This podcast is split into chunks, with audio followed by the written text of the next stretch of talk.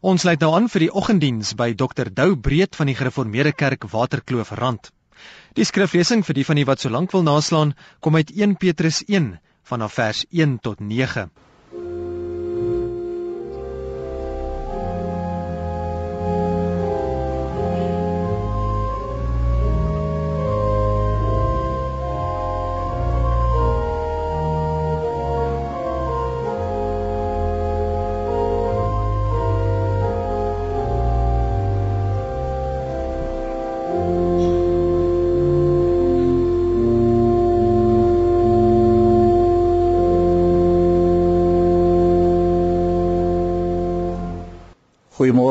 Geliefdes. Ons het vanmôre 'n besonderse geleentheid. Ons wil daarom ook die luisteraars van RSG by ons verwelkom. Mag die Here gee dat die besondere manier waarop ons vanoggend saam met u al die luisteraars aanbid, mag die Here dit seën.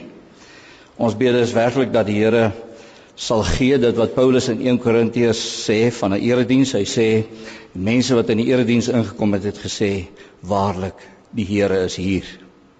Ek wil vinnig ietsie sê oor die Gereformeerde Kerk Waterkloofrand. Die gemeente het in 1963 tot stand gekom. Die gemeentelede kom hoofsaaklik uit die gebiede soos Brooklyn Suid, Nieuw Makkelneek, Waterkloof, Waterkloof Rif met al die uitbreidings, Monument Park, Erasmus Rand en Erasmus Kloof. As gemeente het ons eintlik lankal vir onsself uit die woord uitgemaak dat ons draers moet wees van die blye boodskap blye boodskap na binne in die gemeente, maar ook die blye boodskap na buite. Daarom is die gemeente ook betrokke by verskeie uitreikaksies wat ek nou nie gaan noem nie. Die gemeente het wel die voorreg om elke Sondag twee eredienste uit te saai oor die internet en is vir ons baie duidelik dat daar baie mense reg oor die wêreld is wat inskakel 'n besondere manier wat ons saam met mense wat ons nie eens kan sien of ken nie aanbid. Vanoggend gaan die prediking oor as ek vir u die tema kan gee deur beproewing sorg God dat daar heerlike bevindinge oor my geloof gemaak word gemaak sal word wanneer Christus sigbaar word. Skriflesing as jy wil opsoek, skriflesing is 1 Petrus 1 of die 1 Petrus 1 van vers 1 tot vers 9. Kom ons begin die erediens. Ons hulp is in die naam van die Here wat die hemel en die aarde gemaak het en wat getrou bly tot in ewigheid. Geliefdes, genade vir u en vrede van God ons Vader en die Here Jesus Christus deur die kragtige werk van die Heilige Gees. Amen. Ons gaan nou ons geloof bely en ons sing saam en wel uit skrifbereiming 12-3 dis die belydenis ons doen daarmee ook belydenis van ons geloof skrifbrewing 12.3 dit is die eerste artikel van die Nederlandse geloofsbelydenis kom ons sing dit nou saam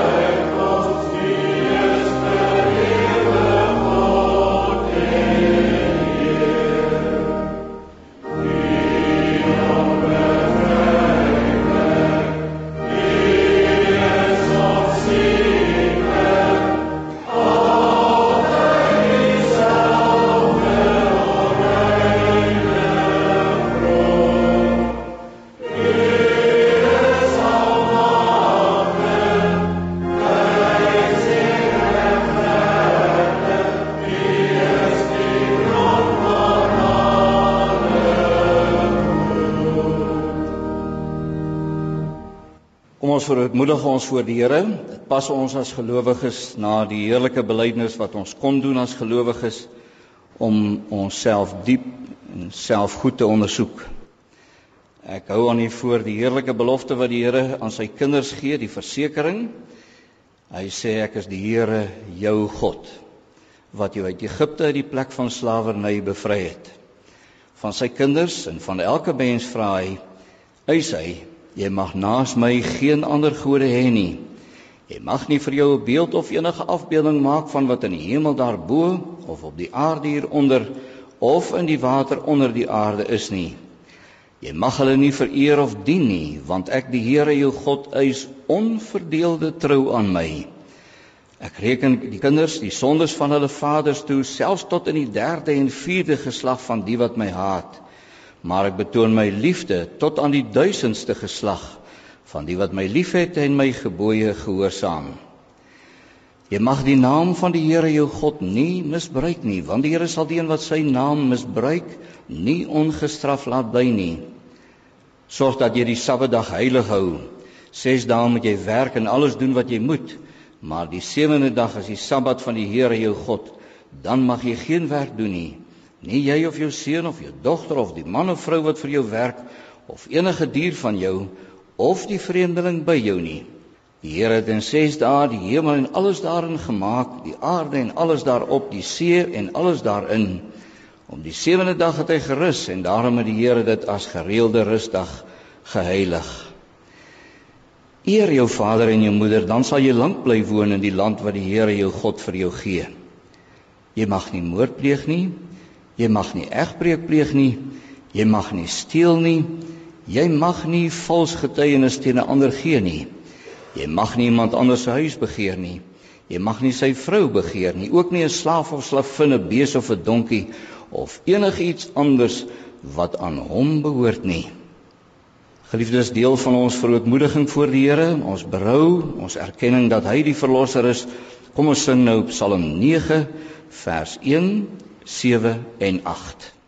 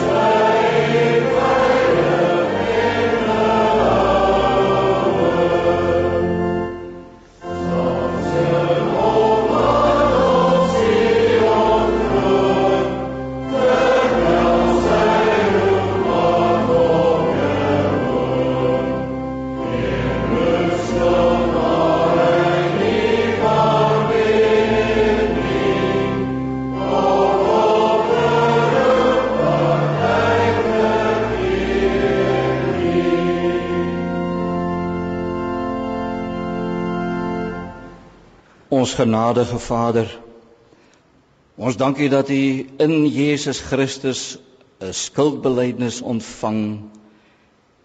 Elkeen van U kinders volkome in Sy naam vryspreek. En Vader, dat ons met blydskap mag sing van U verlossing. Met blydskap mag sing van die feit dat U ons vernuwe gee dat hierdie vernuwing in ons lewe ook sal deurwerk.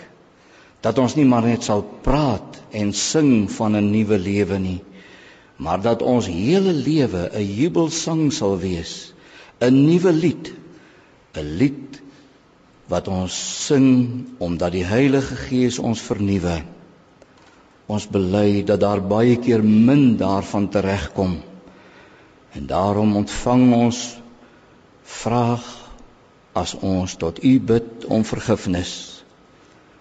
Vader in die hemel, ons wil as U kinders U ook loof en prys dat ons mag weet dat ons hele lewe in U hande is. Dat U ook ons lewe stuur. Dat U ons lewe beskik en oor elkeen van ons. Dat dit wat ook met ons in ons lewe gebeur ten goeie is. En waar ons ver oggend uit U woord aandag gee aan dit waaroor baie gelowiges worstel, naamlik hoekom al die lyding op hierdie aarde dat U daarin ook Here uit U woord vir ons sal antwoord en ons leiding sal gee, koers sal gee. Ons wil daarom elkeen ook vanoggend voor U kom saam om te bid vir hulle wat tans beproef word, wat swaar kry, wat worstel met vrae, mense wat in die steek gelaat is, mense wat siek is, mense wat depressief is, mense wat nie meer lus het om voort te gaan nie. Ons bid vir elkeen in besonder. Vra Here, wees U kennelik naby hulle. Gee dat hulle dit ook mag ervaar. Ons wil in hierdie oggend ook bid in besonder vir hulle wat ly as gevolg van vervolging. Soveel inligting word al hoe meer bekend hoe dat u kinders reg oor die wêreld intens vervolg word. Vader, gee dat ons wat genade het, u genade dat daar nie vervolging is nie, nie felle vervolging nie. Gee dat ons in ons gebede een sal wees met hulle. Ons bid ook Here dat U sal wees met hulle wat U nie ken nie. Ons weet ons lewe moet preek. Ons lewe moet verkondig, 'n blye boodskap. Help ons Here dat ons elkeen se lewe so sal wees. Wil ons nou hier in hierdie oomblikke van stilte voor U seën lei ons in ons aanbidding dat dit ware aanbidding sal wees om Christus ontwil. Amen. Uit die woord van die Here lees ons nou uit 1 Petrus hoofstuk 1 vers 1 tot 9. Van Petrus, 'n apostel van Jesus Christus, aan die uitverkorenes van God, vreemdelinge in die wêreld wat versprei woon in die provinsie provinsies Pontus, Galasië, Kappadosie, Asië en Bitinië Soos God die Vader dit vooraf bestem het, het hy julle uitverkies en deur die Gees afgesonder om aan hom gehoorsaam te wees en besprinkel te word met die bloed van Jesus Christus. Mag daar vir julle genade en vrede in oorvloed wees. Aan God die Vader van ons Here Jesus Christus kom al die lof toe. In sy groot ontferming het hy ons die nuwe lewe geskenk deur die opstanding van Jesus Christus uit die dood.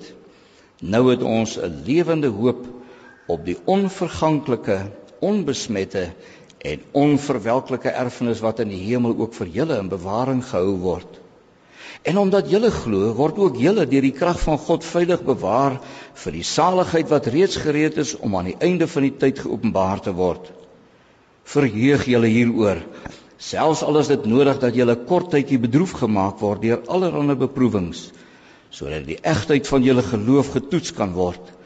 Julle geloof is baie kosbaarder as goud, goud wat vergaan.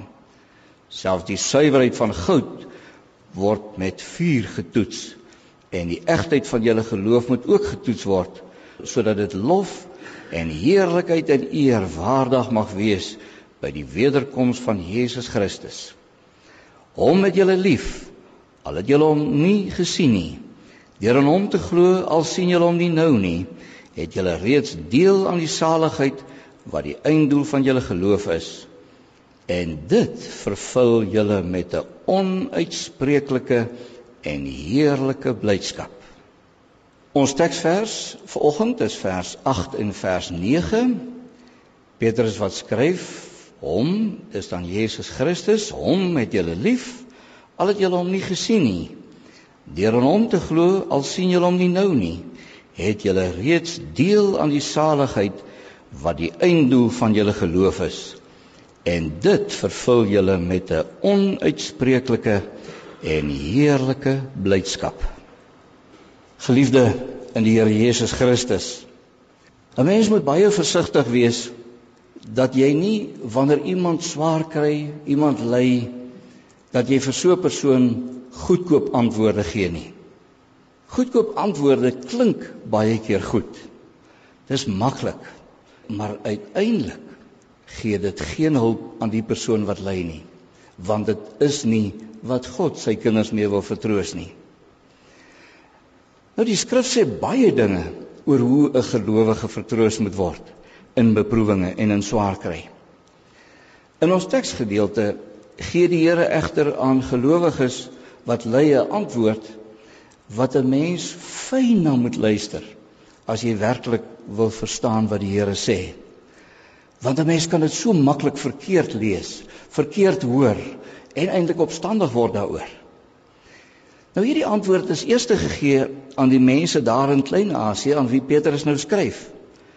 En hulle weet ons het gelei omdat hulle ter wille van hulle geloof vervolg is.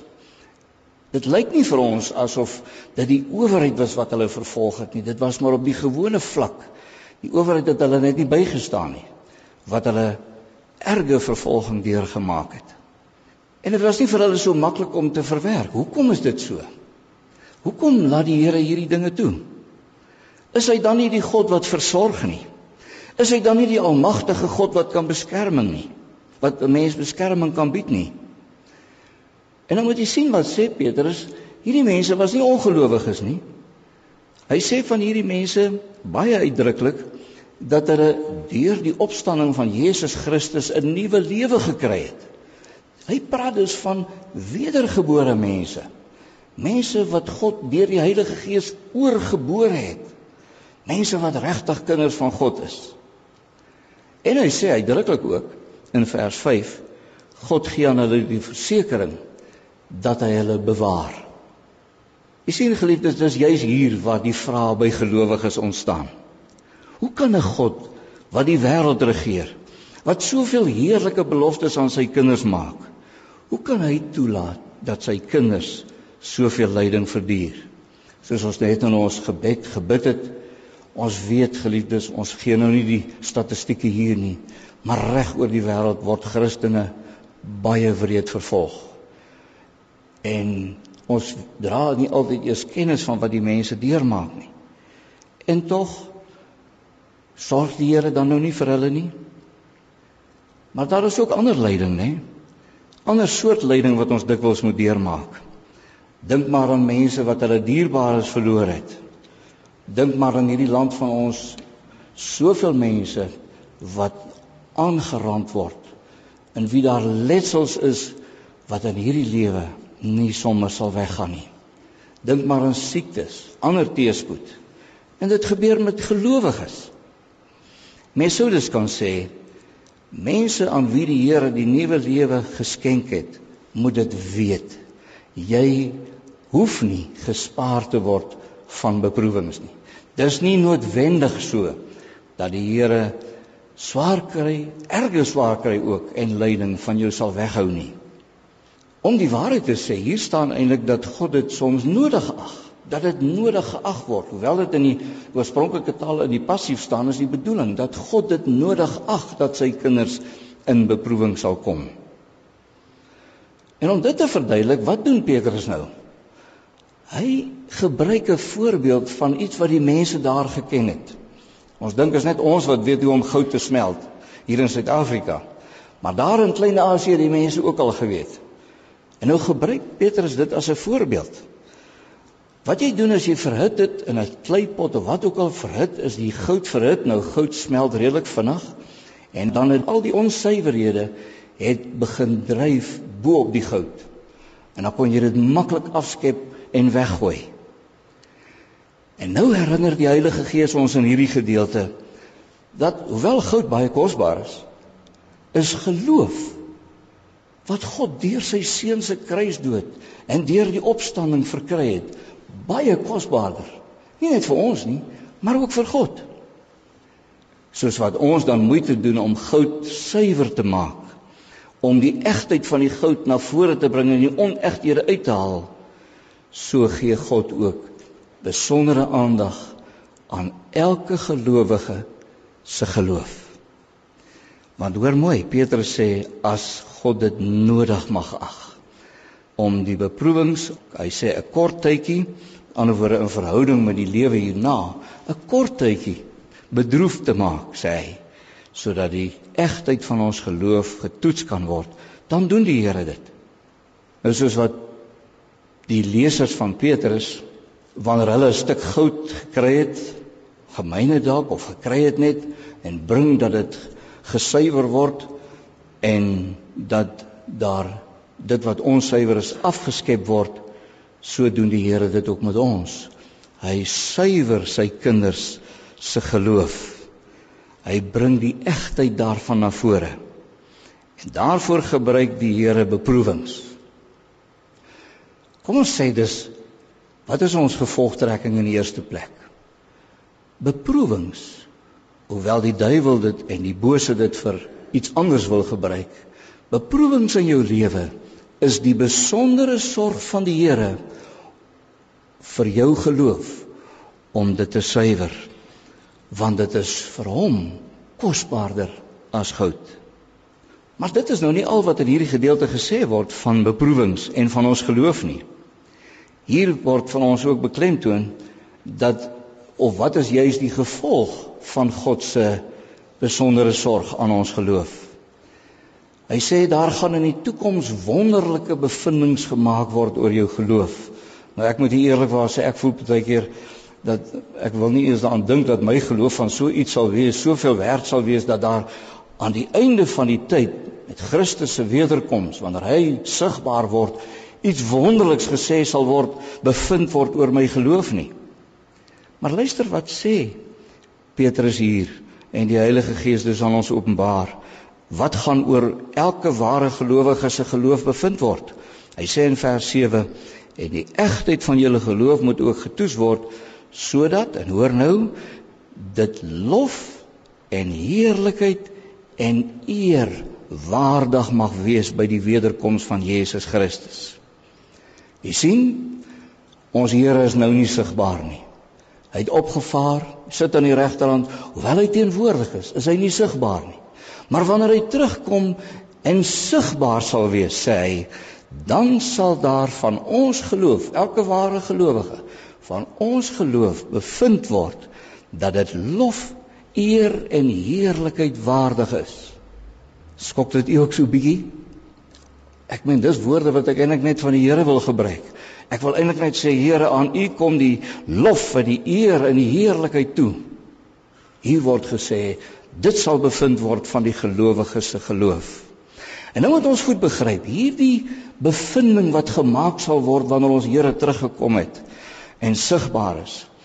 Hierdie uh, bevinding het alles te doen met die tyd voor sy wederkoms. Met ander woorde met nou met nou wanneer die Here deur beproewings werk aan jou geloof hierdie tyd waarin ons leef soos wat goud deur die mense daar in Klein-Asië gesmelt is en die onsuiverheid dan afgeskep is en weggegooi is so skep die Here ook van elkeen van ons se geloof nadat dit gesmelt is om dit so uit te druk dit af wat onsuiwer is.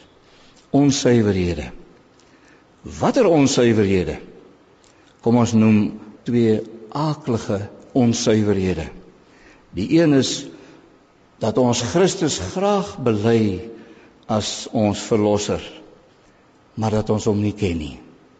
Dat ons hom nie werklik ken nie. Dat ons van hom gehoor het en maar net oor hom kan praat en baie dinge van hom kan sê, maar hom nie ken nie.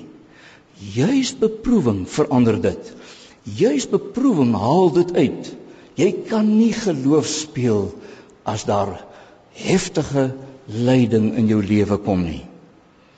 Daar is ook die ander aaklige onsuiverheid wat bo-op moet dryf en afgeskep moet word.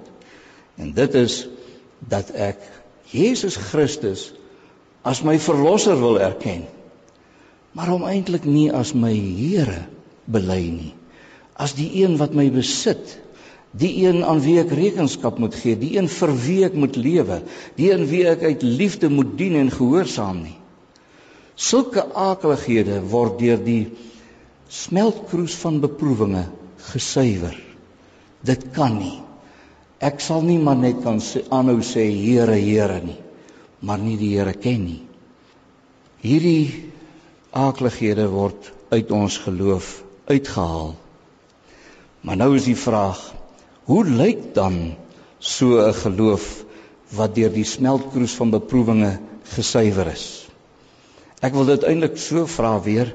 Hoe lyk so geloof in hierdie tyd? Dit wil sê terwyl Christus nog nie sigbaar is nie. Terwyl jy nog nie hom kan sien met jou oë nie. Jy kan met hom praat, jy kan hom aanbid, jy kan hom lief hê. Hoe lyk so geloof in hierdie tyd? Ek vra dit spesifiek geliefdes want Petrus beklemtoon. Die Heilige Gees maak dit vir ons hier staan dit stel vir ons op die voorgrond dat dit gaan hier oor nou dat hy nie sigbaar is nie teenoor wanneer hy wel sigbaar gaan wees. Luister wat sê hy in vers 8 en 9. Hy praat van Christus, dan sê hy hom het julle lief, al het julle hom nie gesien nie. Deur in hom te glo, al sien julle hom nie nou nie, het julle reeds deel aan die saligheid wat die einddoel van julle geloof is. Hoorie? Hier is twee duidelike eienskappe wat 'n suiwer geloof het, 'n gesuiwerde geloof, laat ek dit liewer so sê. Twee duidelike eienskappe. Hom het julle lief en in hom glo julle. Mense sou dit ook kon vertaal in hom vertrou julle. Jy weet die mense daar in Klein-Asië, veral die mense wat daar gewerk het, het presies geweet. Dit is eintlik maar ook soos vandag. Die mense wat daarmee werk kan duidelik sien wanneer goud nou gesuiwer is. Byvoorbeeld deur die hoeveelheid skittering wat dit het. En dis uit sekere eienskappe. En dis wat ons ook van ons geloof kan sê. Die Here suiwer ons geloof en jy sal daardie geloof kan herken aan sekere eienskappe. Naamlik dat ek die Here liefhet nie net van hom weet nie, maar hom liefhet. Jy weet soos Psalm 18 sê, die bereinde, ek het U hartlik lief, o Here. Kan jy dit werklik sê? Ek het U lief. Vra maar vir gelowiges wat deur 'n vuurproef van beproewinge is. Dan verstaan jy wat jy sê as jy sê ek het die Here hartlik lief. En vertrou ek hom. Dis wat die Here ons geloof na toe bring en deur sy Heilige Gees ons versterk om daarby uit te kom. Deur sy Gees lei hy my om nie net in die algemeen, nie net Sondag dit te sê nie, maar dit gaan juis hier oor die konkrete harde werklikheid van elke dag. Petrus noem sommer 'n klomp voorbeelde in hierdie brief van hom. U kan gerus die hele brief deurlees, dan sal u sien. Hy noem sommer 'n klomp voorbeelde. Een voorbeeld is die afsterf van sondige begeertes. Dit is maklik om sekere dinge vir die Here na te kom. Maar as jy begin gaan na jou begeertes toe. En nou sê hy uitdruklik in hoofstuk 2 vers 11 en 12 dat die gelowige moet sy sondige begeertes afsterf. Ek moet my Here erken deur die afsterf van begeertes in my lewe. Sondige begeertes praat ons van. Tweede voorbeeld wat hy noem van gedrag is jou gedrag by jou werkgewer. So prakties raak dit. Daar by my werkgewer, as ek 'n werkgewer het wat my sleg behandel, die wyse hoe ek optree, die wyse hoe ek dit hanteer, die wyse dat ek in staat is om te kan vergewe, om die minste te wees sonder om 'n vloerlap te wees. Hy praat oor die huwelik. Hy praat oor mense wat jou vervolg en jou lyding aan jou met ander woorde vyandig is. In elke konkrete situasie moet dit duidelik wees, hierdie mens het die Here lief. En hierdie mens vertrou die Here. Dit is so maklik dat ons vertrou op ander plekke. Weet jy wie vertrou ons die meeste? Onsself. Ons dink ek weet beter. Ek weet beter, dit sal maar die regte ding wees om in hierdie situasie te lieg of soos ander korrup te wees of wat ook al, want dis die algemene ding vandag. Ek vertrou myself en my oordeel meer as die Here self. En dit kan nie. Daartoe suiwer die Here jou geloof. Ek sê weer, vra maar vir ware gelowiges wat deur erge beproewings in hulle lewe gegaan het. Jy leer om die Here waarlik te vertrou. Dalk vra u, maar wat sal nou gebeur met 'n geloof wat eintlik maar 'n namaaksel is? Kyk maar wat sou gebeur met 'n stukkie artikel of uh juwele wat namaaksel van goud is, gooi dit daarin. Dit gaan saam met al die ander aaklige onsuiverhede boedryf afgeskep word en weggegooi word. Daarom wanneer iemand nie waarlik glo nie, sal beproewinge nie geloof werk nie. Dit is 'n gawe van die Here. Elke ware gelowige reageer reg wanneer daar beproewinge kom. Aanvanklik verkeerd, aanvanklik worstelend, maar die Here dring deur sy gees by jou aan. As daar dus iemand is wat ver oggend luister, wat worstel met vrae, dalk opstandig is, dalk al besluit het ek dink nie ek glo meer nie. Dink weer. As die Heilige Gees binne in jou woon, luister wat die Heilige Gees vir jou sê. God is besig as jy dan 'n gelowige is om jou geloof te suiwer. Ons sluit af. Geen normale mens kan hom of haar oorlyding in hulle lewe verbly nie. Net 'n smartvraat kan dit doen. Maar tog in hierdie gedeelte staan daar dat gelowiges bly is. Hier staan eintlik met onuitspreeklike en heerlike blydskap in hierdie lyding staan. Maar jy moet goed begryp, hierdie lyding is nie omdat hulle ly nie. Dit gaan omdat hulle verstaan wat God mee besig is, omdat hulle die eindpunt kan sien omdat hulle kan sien dat nou terwyl ons Christus nie kan sien nie, moet ek hom lief hê en vertrou. Dis waartoe die Here my bring. Maar waar die Here met my gaan uitkom, is by 'n punt waar daar 'n bevinding gemaak gaan word nadat ons Here teruggekom het en ons hom kan sien. 'n Bevinding gemaak word. Hierdie geloof is lof, heerlikheid en eer waardig. Amen. Kom ons dank saam ons Vader in die hemel om Jesus ontwil hou ons vas in beproewinge hierdie onuitspreeklike en heerlike blydskap waarvan die Heilige Gees hier in die woord praat lyk vir ons baie ver van ons af in beproewinge daarom Here net deur u Gees kan dit gebeur en bid ons ook vir hulle wat tans worstel. Werk kragtig deur u Gees sodat ons suiwerhede weg sal gaan uitgehaal word. Gee ons die blydskap die uitsien na daardie dag as ons Here terugkom hy sigbaar sal wees ons by hom en daar oor ons geloof bevind sal word. Hierdie mens se geloof is lof heerlikheid en eer waardig amen Kom ons antwoord gemeente, geliefdes. Ons sing Psalm 34 in weelde en ongeluk altyd sal ek die Here prys. Altyd vir hom my lof laat reis in voorspoed en in druk. Vers 1 en 2 van Psalm 34.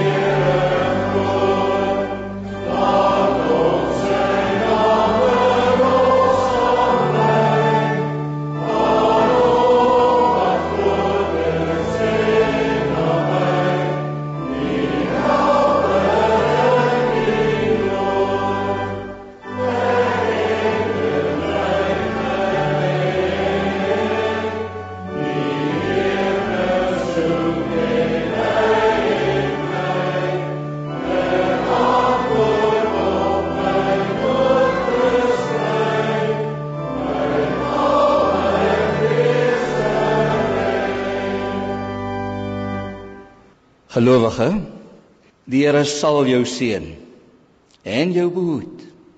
Die Here sal sy aangesig oor jou laat skyn en jou genadig wees. Die Here sal sy aangesig oor jou verhef en hy sal vir jou vrede gee. Amen.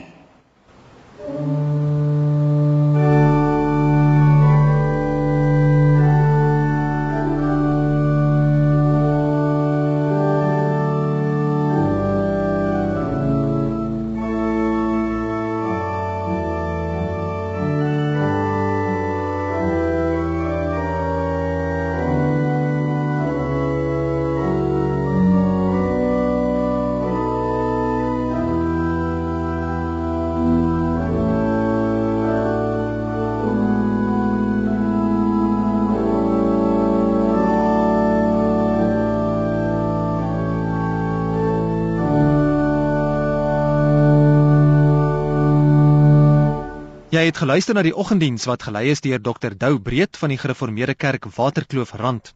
Jy is welkom om vir Dr Breed te skakel. Die nommer is 082 683 3553. 082 683 3553. Vanaand se aandiens om 07:30 word ook gelei deur Dr Dou Breed. Die oggenddiens is versorg deur Triple M Produksies.